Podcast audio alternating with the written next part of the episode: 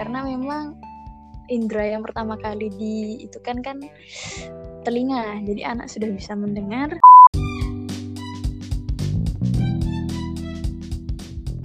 Hai hai teman-teman, balik lagi di podcast kita, lu bisa apa?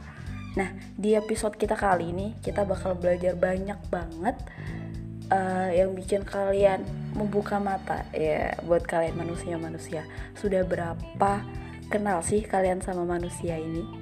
Karena kita bakal ngobrol sama mahasiswa psikologi. Assalamualaikum Kak Salwa Alvina Siregar. Waalaikumsalam Kak Bilkis dari Husna. Aduh, tahu nama lengkap nih. Oh iya, Kak Salwa ini kan udah belajar ilmu psikologi selama kurang lebih tiga tahunan ya kak ya. E, gimana sih kak rasanya setelah tahu ilmu psikologi itu gimana? Terus juga tahu, oh manusia itu ternyata kayak gitu ya. Apa bedanya juga sih sama sebelum belajar kak? kita sharing-sharing aja ya jadi mohon maaf nih kalau ada salah-salah kata atau teori yang salah atau gimana ya karena kita ya, masih belajar juga jadi perasaannya sih selama mempelajari psikologi ini Salah sendiri ini jadi merasa oh ternyata memang manusia itu benar-benar unik dan benar-benar tidak ada manusia yang salah akan setiap perilaku yang dia lakukan gitu. Karena semua orang memiliki alasan kenapa dia harus kayak gitu seperti itu. Karena orang tuh beda-beda. Jadi ya dengan mempelajari psikologi eh, kesan kesan intinya itu tidak menjadi orang yang gampang menjudge gitu oh gitu. Menarik. jadi kayak lebih bisa ngerti manusia tuh kayak gimana gitu kayak iya. Uh, dan juga terlebih diri kita sendiri. Karena sering kali kita itu justru lupa sama kebahagiaan diri kita kayak gitu. oh, oh pernah denger juga nih kak. Katanya orang-orang psikologi itu ada beberapa yang dia tuh sengaja pilih jurusan psikologi karena memang pengen terapi mandiri, terapi jalan gitu. Iya nggak sih? Iya, nggak sih? Ada beberapa tuh itu. Rawat jalan apa namanya? Oh. terapi rawat jalan iya. Jadi sekalian belajar sekalian juga mengobati. Tapi sebenarnya itu pun untuk mencapai terapi rawat jalan itu pun ya butuh uh, itu apa? Ketelatenan juga. Karena kalau misalkan kita cuman di awal-awal aja mau ya sama aja. Maksudnya terus bertahap kita mau untuk memperbaiki gitu. Karena untuk ngamalin ilmu itu kan susah. Oh, iya, mudah. apalagi cuma belajar. Mm-mm, apalagi kuliah itu kan kita dituntut untuk mandiri semuanya. Uh, dan kayak gitu. Jadinya benar-benar harus banyak pengalaman dan sebagainya. Oke. okay. Nah, sebenarnya kali ini tuh kita mau ngomongin masalah psikologi karena ada beberapa kasus yang baru-baru ini lima hari enam hari yang lalu tuh lagi apa booming kak istilahnya. Mm -mm, bener banget, banyak banget sih kasus di Indonesia sekarang. termasuk ini uh, secara umum ya dampak psikis dari apa lockdown sendiri orang-orang hmm. gimana tapi yang aku punya garis bawahi karena aku sendiri tuh lihat kasusnya lihat video-videonya tuh ikut terenyuh sendiri kak jadi hmm. masalah anak ibu yang kemarin mungkin teman-teman juga banyak yang tahu ya uh, masalah anak dan ibu ini yang hmm. ramai padahal sebenarnya cuman kayak apa ya istilahnya miskomunikasi biasa yang kayak bisa diselesaikan lewat ya komunikasi dua pihak gitu. Mm-hmm. Kalau menurut kamu nih menanggapi kasus yang itu yang aku maksud tuh gimana kak Oh? Hmm, sebenarnya gini sih intinya kan kita ini sekarang itu udah zamannya teknologinya maju ya. Jadi uh-uh. tentang semua hal yang bukan tentang keluarga kita pun kadang kita juga mau tahu karena ya emang hakikatnya manusia ini kepo gitu kan jadi mau iya, tahu apa aja iya. nah jadi sebenarnya masalah keluarga ini juga kalau misalkan memang nggak awalnya terekspos ya kita juga nggak bakal seheboh ini gitu. Intinya pertama dari situ. Nah yang kedua karena dia sudah terekspos kayak gini jadi mau nggak mau kan mereka harus menjelaskan juga ke dunia maya kan. Iya klarifikasi. Iya benar. Karena mereka istilahnya sudah nggak dua arah kan udah nggak dua eh bukan hanya tentang dia dan si itu masalahnya udah sama para masyarakat Indonesia. Iya, baik yang itu suka kan. maupun nggak sama dia. Iya, gitu iya, iya, iya. karena memang ya sudah zamannya ya. Istilahnya ini namanya kan sudah bukan sudah komunikasi massa namanya. Jadi uh, uh. udah mas apa zamannya di mana? gitu.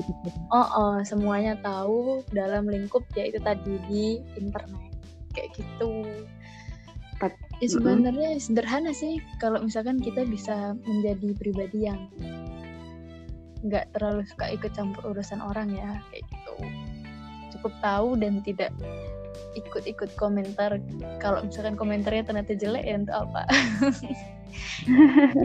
Itu karena sebenarnya kadang tuh kita itu terlalu ngikutin keinginan sesaat gitu sih akhirnya makanya iya suka terjadi viral A B C D dan sebagainya kayak gitu. Tapi kalau misalkan kita lihat dari substansi kasus yang orang tua sama anak itu sebenarnya itu tuh cuman kayak luapan emosi mereka aja yang sudah lama mereka rasa itu besar bagi mereka dan mereka tidak membicarakannya. Karena mereka merasa itu bentuk sayangnya mereka. Padahal sebenarnya kalau misalkan dari dulu mereka udah bisa ngomong dengan baik itu nggak bakal ada terjadi luapan kayak gini kayak gitu. Dan juga tentunya dari orang tuanya itu kok dari dulu dia bisa peka tentu anaknya nggak bakal uh, memendam apa perasaan itu. Kayak gitu sih sebenarnya. Jadi dua-duanya salahnya pasti. Jadi sebenarnya mas kalau aku simpulin nih dari tadi tuh masalah komunikasi ya komunikasi iya. antar dua belah pihak. Entah itu iya. keterus-terangan atau apa tadi kepekaan kayak hmm. gitu kak ya iya. pentingnya menjaga komunikasi, komunikasi uh. karena manusia ini kan makhluk sosial untuk kita bisa bersosialisasi tentunya kita membutuhkan yang namanya cara berkomunikasi yang baik cara berkomunikasi hmm. ini kan banyak kalau kita bisa bertatap muka itu tidak hanya menggunakan bahasa, ada ekspresi, ada perilaku, ada gerakan gesture dan lainnya. Tapi kalau misalnya kita dengan dunia maya itu kan itu kelemahannya. Kita nggak bisa tahu ekspresinya, kita nggak bisa tahu intonasi iya. nada ngomongnya. Ini makanya jadi miskomunikasi gitu. Jadi itu intinya. Kenapa kok bisa kayak gini? Iya, kemungkinan yeah, itu kadang kemungkinan besar. Iya bener sih, emang karena yang paling bagus buat menyampaikan apa perasaan secara langsung tuh emang tatap muka ya kak Wah ya. Apalagi iya. kalau lewat tulisan tuh nggak bisa baca nada suaranya hmm. tuh per orang beda-beda pasti. Iya. Nah kalau uh, berkaitan tadi masalah yang tadi itu kan Kawa tadi juga udah singgung ada beberapa ilmu psikologi yang kakak Wawa pakai ya kak Salwa pakai sebenarnya penting gak sih buat kita tahu kayak ya sekedar tahu gitu tentang ilmu psikologi mendidik anak atau enggak sih kayak istilahnya buat mengatasi gitu loh kak Mm-mm. Jadi sebenarnya ilmu apa pun itu kita butuhkan dalam mendidik anak kita. Nah terlebih di sini sebenarnya kenapa kok kita sering dengar kata-kata psikologi parenting kayak gitu-gitu ya. Kita nggak pernah kan dengar kayak matematika parenting belum? Kita yeah. kita dengarkan di sini psikologi parenting. Kenapa? Karena kan memang tadi kita kembali ke dasarnya ilmu psikologi adalah memahami kepribadian manusia melalui tingkah lakunya itu kan intinya. Nah makanya hmm. ternampak bahwa memang psikologi yang menjadi fokus dalam pendidikan hmm, parenting bagi perkembangan anak kita. Eh anak kita belum punya anak.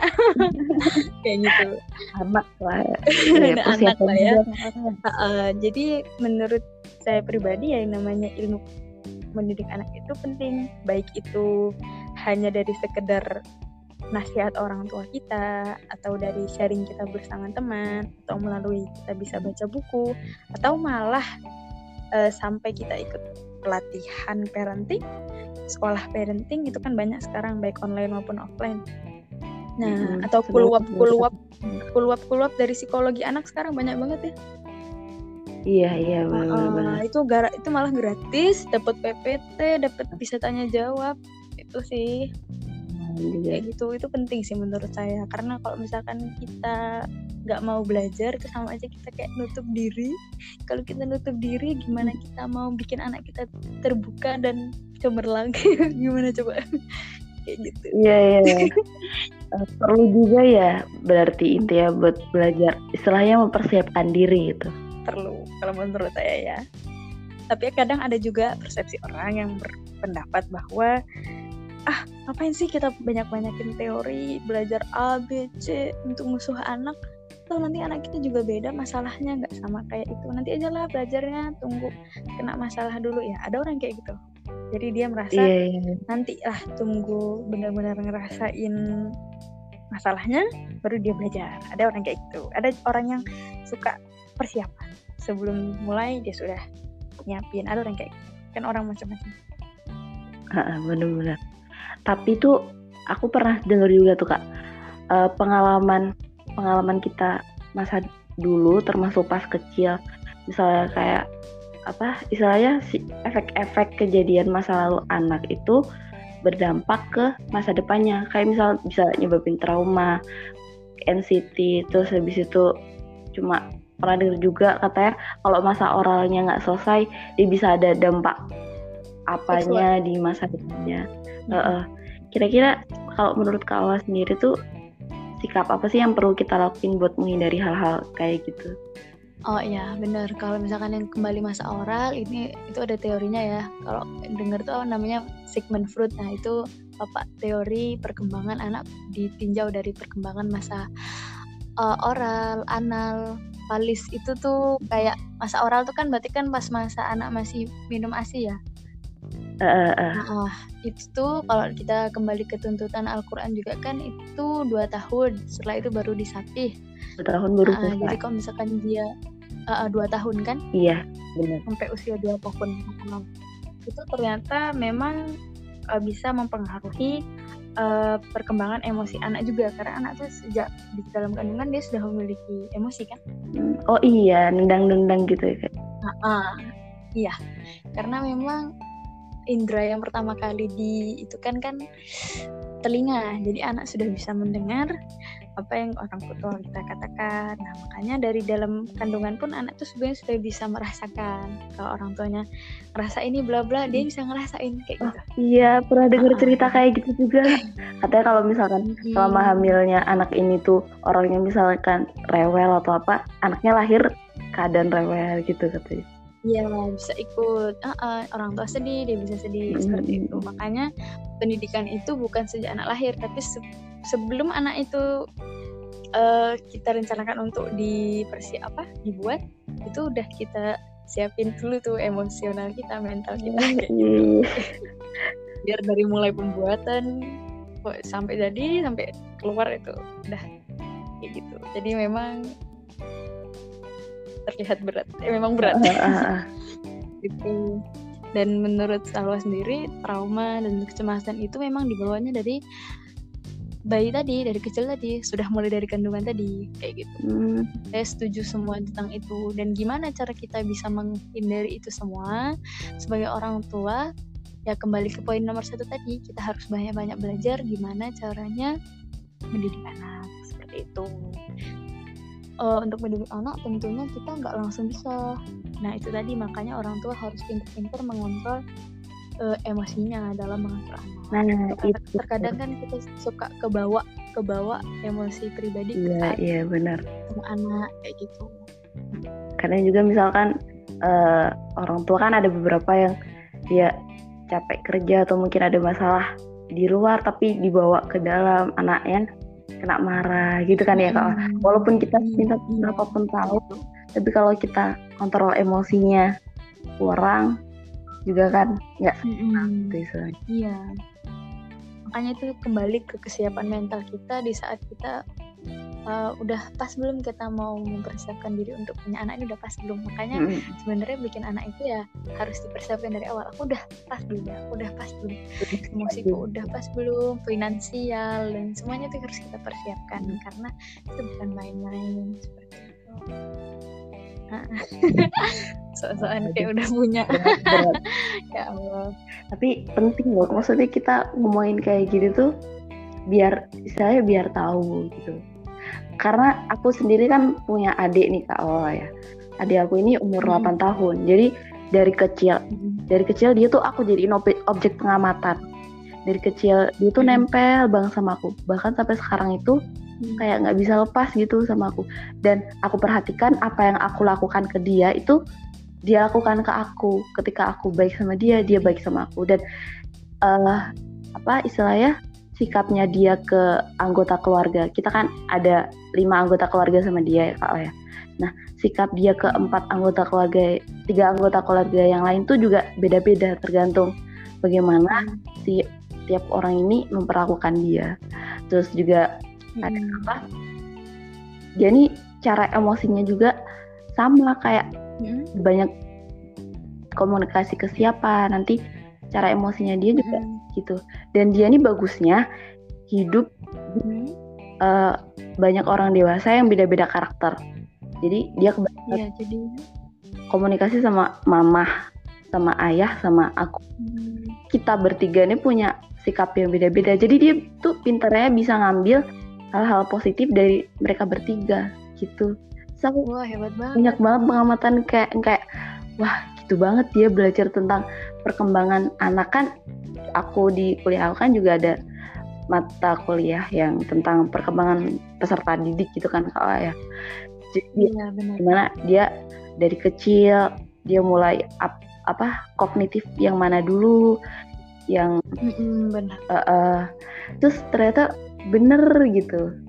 Keren sih. Mm kalau gitu kayak seru gitu Iya bener banget. Jadi anak-anak itu perkembangan kognitifnya itu kan ada macam-macam. Kalau sekarang adik Bilkis udah masuk usia 8 tahun, uh. berarti dia tuh kalau kita ikut teori biasa, berarti dia udah masuk pra operasional konkret. konkret. Jadi dia tuh, uh, jadi dia tuh keegosentrisan dia, uh, egosentris apa kita sering ngomongnya egois ya. Iya. Yeah. Sifat egoisnya itu dia udah mulai menurun karena di saat usia dia sebelum prasekolah mm-hmm. TK nah itu dia masih sangat-sangat uh, semuanya milik dia aku aku gitu itu masih sangat tinggi iya iya Nah, masuk usia 7 tahun sampai 11 tahun, di situ dia mulai menggugurkan perilaku ke anak-anaknya itu tadi. Mm. Itu di usia SD ya. Nah, itu tadi. Nah, kenapa kok dia banyak suka ngambil perilaku-perilaku dari orang sekitarnya? Itu kembali ke cara anak belajar. Jadi, anak itu ada yang dia belajar dengan cara meniru. Mm. Namanya modeling. Jadi, apa pun yang dilakukan orang di sekitarnya ditiru. Mau itu jelek, mau itu nggak jelek, eh mau itu, itu bagus, mau itu jelek ditiru. Ah. Karena dia nggak ngerti. Dia cuman menyerap apa adanya informasi yang dia dapat. Uh. Kemudian ada juga anak yang baru memahami sesuatu ketika dia mendapatkan penghargaan. Oh, iya. Nah, mm bah bahkan ada juga yang tunggu dapat hukuman dulu, atau tunggu dapat uh, yang gak enak dulu, baru dia bisa belajar. Tapi ada kemungkinan juga anak itu bisa berbagai macam cara belajar juga kak ya. Mm-mm, itu tuh itu tuh semacam cara belajar anak ya. Uh, orang tua mau menerapkan suatu hal yang baru ke anak itu kadang nih ada yang biasanya itu paling sering dan paling banyak di Indonesia nih ya itu tadi namanya tuh reward and punishment. Ah, gitu ya adik aku tuh kalau pendidikan kita kak adik aku tuh gitu banget kak.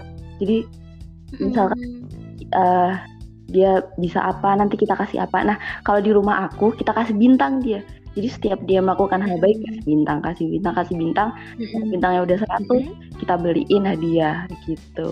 Terus dia yeah. tuh buat ayo ayo aku bakal bersihin kamar gitu. Nanti kasih aku bintang. Iya benar. Ya, benar ya kayak gitu. Benar benar benar. Uh, aku iya. gini kasih bintang kasih bintang gitu.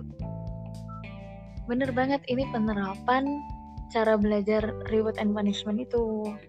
Kayak gitu Cuman uh, kalau kita sering-sering ngasih punishment, justru sebenarnya ini ngasih motivasi yang kurang baik ke anak atau ke adik kayak gitu. Lebih baik kita memberikan uh, jenis yang lain, jangan punishment yang negatif karena anak-anak itu ketika dia mendapatkan kesan negatif atau hal-hal negatif, hmm. mereka belum bisa menyerang dengan baik. Sehingga ketika kita diberikan di usia uh, prasekolah ataupun saat masih SD SD kayak gini awal-awal itu malah jadi nanti putar balik dari apa yang kita harapkan. Pernah kak wah. Jadi aku keinget pas kecil dulu aku itu kayak uh, melakukan apa-apa takut diberi hukuman takut diberi hukuman. Sampai kadang mm-hmm. aku punya pikiran kalau ah, aku nggak usah ngelakuin ini aja nanti kalau salah dihukum gitu.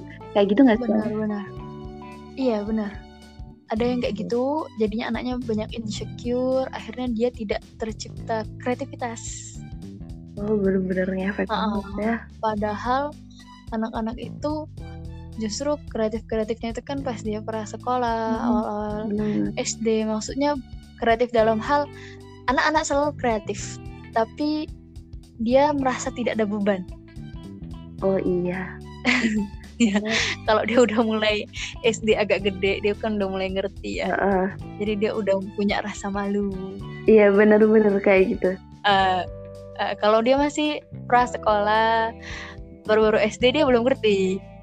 Uh, uh, jadi kalau kita di situ memberikan kebebasan dia untuk berkreasi oh bagus banget nanti jadinya. Di masa remajanya di masa dewasanya kayak gitu. Karena perkembangan itu sifatnya lama. Jadi benar-benar setiap tahapan ketahapannya saling mempengaruhi satu sama lain. Nah masalahnya bung tadi masalah kebebasan dan kawan-kawan ini sebenarnya kita tuh gimana sih kitab kita yang seharusnya memperlakukan anak-anak? Kita harus mengekang atau kita bebasin yang kayak tadi kalau bilang kan katanya perkembangan tuh sampai uh, panjang kan waktunya. Atau nanti ada waktunya untuk mengkekang dan membebaskan? Gimana sih kak itu sebenarnya? Iya. Jadi sebenarnya kembali ke dawuhnya Sayyidina Ali dididik anakmu sesuai zamanmu. Karena hidupnya anakmu tidak sama dengan hidup di zamanmu dulu. Kembali ke poin itu yang pertama dasarnya untuk kita menentukan gimana caranya uh, memperlakukan anak atau adik kita. Terus untuk pola asuh sendiri pola asuh tuh ada macam-macam. Ada yang namanya pola asuh permisif demokratis dan macam-macam ya Pokoknya pola asuh itu disesuaikan dengan perkembangan dia. Kalau dia masih bayi, tentunya ya kita harus menjadikan dia anak sebagai raja. Semua kita atur, semua kita kasih. Masuk dia pra pra sekolah. Sebenarnya usia pra sekolah ini saya pernah baca itu adalah masa-masa bisa dibilang penting ya, penting pertama dalam kehidupan perkembangan anak sebelum nanti dia masuk di remaja pas masuk pubertas. Jadi itu di usia 3 sampai 5 atau 6 kalau dia masuk kuliah sekolah SD-nya 7 tahun. Kenapa? Karena di usia 3 sampai 5 ini dia tuh bener-bener tinggi rasa ingin tahu dan rasa tadi meniru. Mm -hmm. Nah, jadi di usia-usia ini kita tetap jadiin dia kayak mengasuh penuh tapi juga harus ada aturan-aturan dan tetap memberikan pengertian. Jadi sebenarnya kalau menurut Zalwa untuk mendidik anak itu harus adanya uh, apa tuh? Kayak dipakai semua sebenarnya jenis pola asuh. Tergantung sama keadaan. Dan tergantung sama jenis per, apa usia anaknya. Kalau dia masih anak-anak, berarti kita banyak pengertiannya kayak gitu-gitu. Kalau dia udah dewasa di usia ketika dia udah balik, berarti kita lebih banyak pakai uh, pola asuh memberikan banyak kebebasan pada dia untuk berpendapat tapi tetap diawasi kayak gitu. Hmm, gitu. Apalagi pas dia masuk masa baru-baru balik, nah itu benar-benar harus banyak diberikan kayak hmm, keterlibatan bagi si anak itu. Agar saat dia masa-masa baru-baru baliknya itu dia bisa nggak terombang ambing. Karena kan itu kan pose-pose terombang ambing ya mm-hmm, saat mau balik itu. Ah, jadi kita sebagai orang tua justru malah jangan langsung bebasan plong gitu jangan. Tetap adanya keterlibatan diajak cerita mamah dulu loh pas kayak gini ini kayak gini. Itu diajak cerita. Jadi dia bisa membayangkan oh ibunya dulu gini. Oh aku berarti gini. Tapi ibunya juga ngomong oh gini loh gini. Jadi kita banyak memberikan pengertian-pengertian di saat anak kita mau beranjak remaja. Gitu. Dari situ tadi baru dia nanti mau ngerti ke kita. Jangan kita nggak ngasih pengertian tapi kita nanti menuntut kayak gitu Nah, jadi pola asuh itu iya. pola asuh itu disesuaikan dengan perkembangan usianya kayak gitu. Kita kasih kendor, kita ketetin lagi kendor ketet kayak gitu sih. Dan jangan lupa untuk minta pendapat mereka. Kadang kita suka lupa. Iya, benar sih. Mem mem melibatkan anak di setiap apa istilahnya kayak ya tadi kasih pengertian. Keputusan keluarga. Ah. Uh, uh, iya iya iya. Nah itu yang masih stuck di pikiran aku dari dulu dulu dulu itu kak maksudnya kan aku mikir aku dulu remaja ini nakal kayak gini apalagi nanti anak cucu ke bawah-bawah ya gimana ya caranya biar dia tuh mau tuh biar nggak membentak apa melawan nggak misalkan kita bilang ini dia malah nggak setuju atau apa dan takutnya membangkang gitu ternyata emang kita siap-siap istilahnya kita siap-siap kita ajak dia dari awal ya kalau ya. komunikasi dijaga sampai nanti dia punya kepercayaan ke kita gitu kan. Mm -mm. Bener makanya kan kadang kalau kita lihat-lihat teman kita yang sama ibunya banyak larangannya kayak gitu-gitu malah terkadang ada yang dia di belakang ibunya bebas tapi ada juga dia tetap patuh dari ibunya tapi sebenarnya di dalam hatinya dia banyak banyak. Uh, apa gejolak-gejolak. Iya, iya iya iya gitu. Karena memang beda-beda. Jadi untuk menentukan karakter anak itu yang dari orang tuanya pertama dari genetikanya juga ada dari lingkungannya juga dan kembali nanti ke, ke internalnya dia sendiri untuk mengkolaborasikan semuanya menjadi dia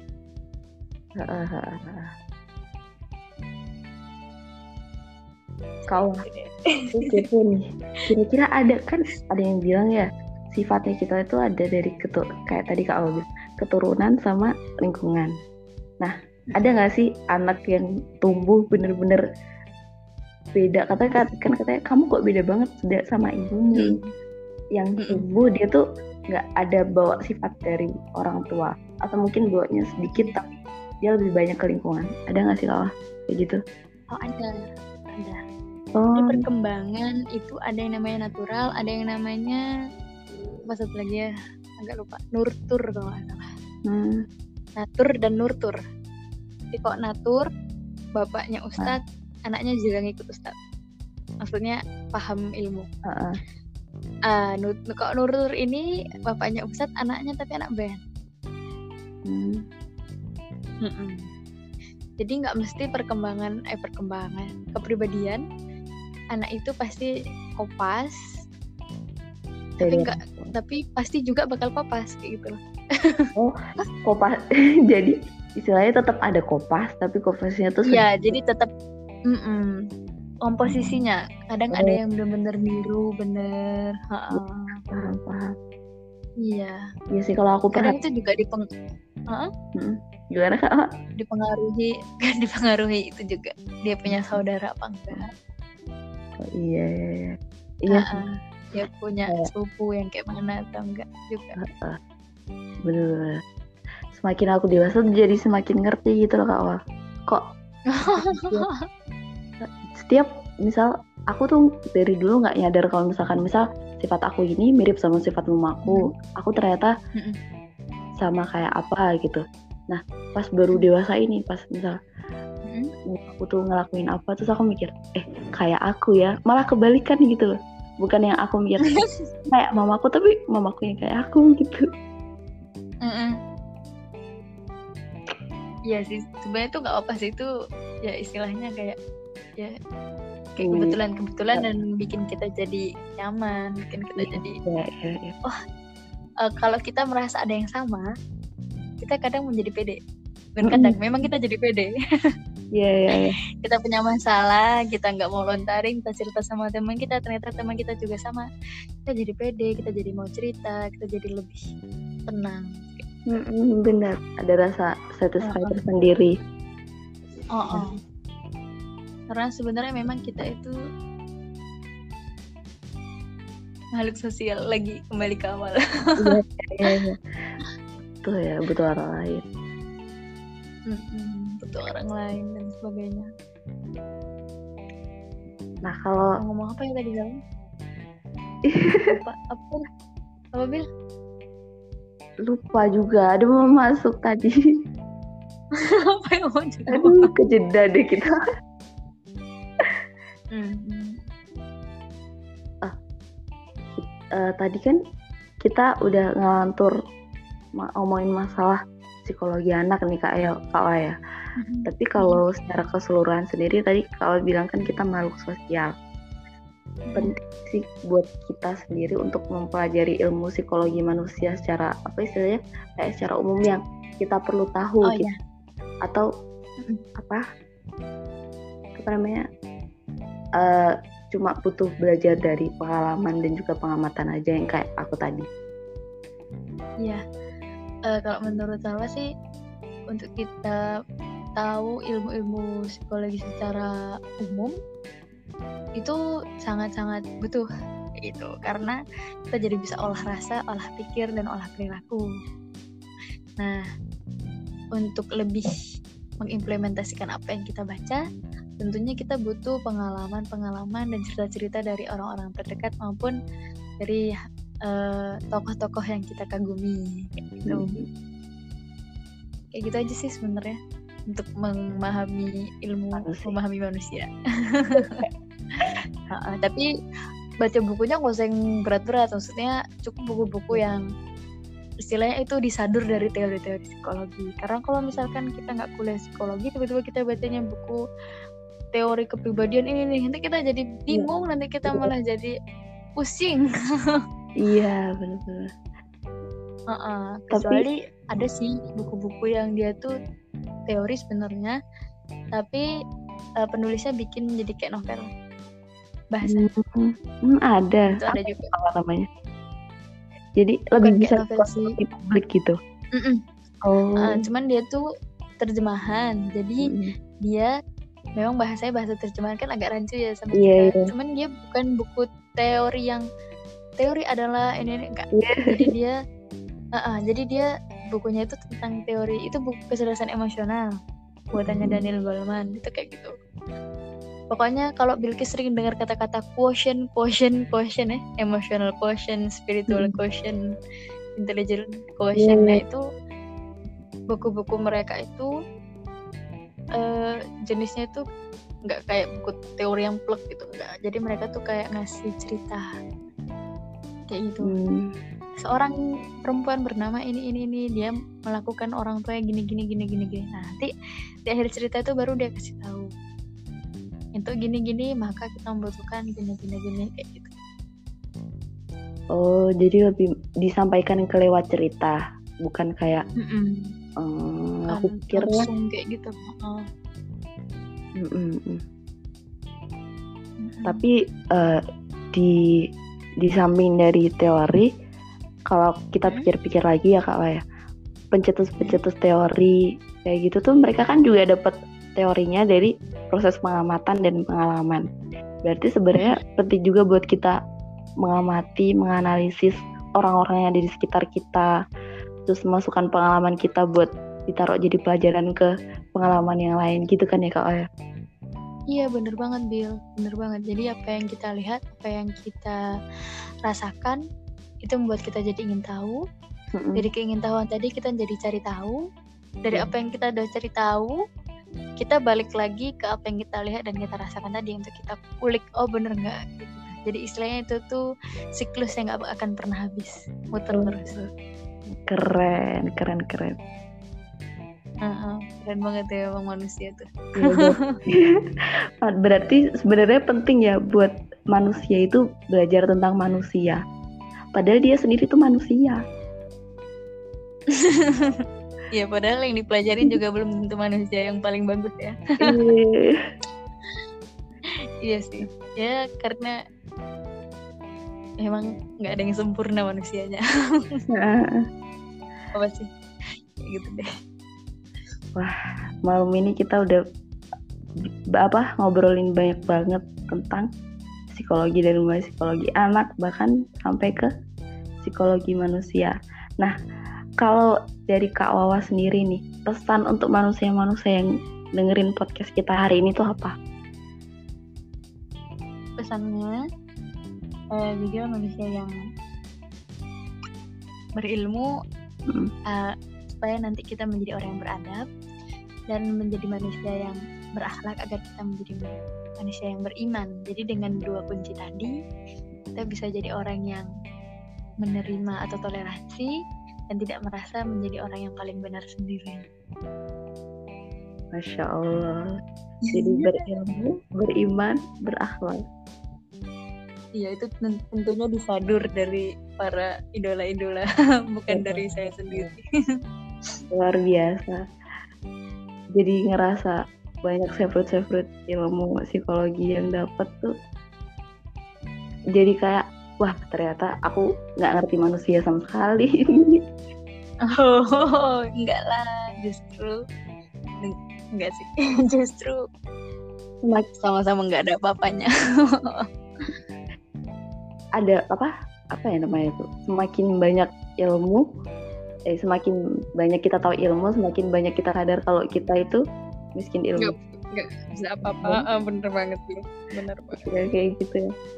Ya Allah terima kasih banyak Kak Salwa sudah mau menemani podcast kali ini. Terus juga sudah bagi-bagi ilmu ke kita semua. Sehingga ilmu yang Bener banget. uh, semoga ilmu yang Kak Salwa berikan bermanfaat. Terus bisa juga kita jadikan pembelajaran ya buat nanti amin. buat iya jadi malam minggunya jadi faedah. Iya keren banget. Ya Allah terima kasih. Banyak Kak Salwa sama-sama Bill makasih banyak ya udah ngajak Salwa aduh nggak bisa apa-apa. Oke teman-teman sekian dulu ya podcast kita malam ini. Semoga uh, apa yang kita obrolan malam ini menjadi obrolan yang bermanfaat buat kita dan juga uh, buat kita di masa depan tentunya. Terima kasih, terima kasih Kak Salwa. Iya, sama-sama. Mohon maaf apabila ada salah kata.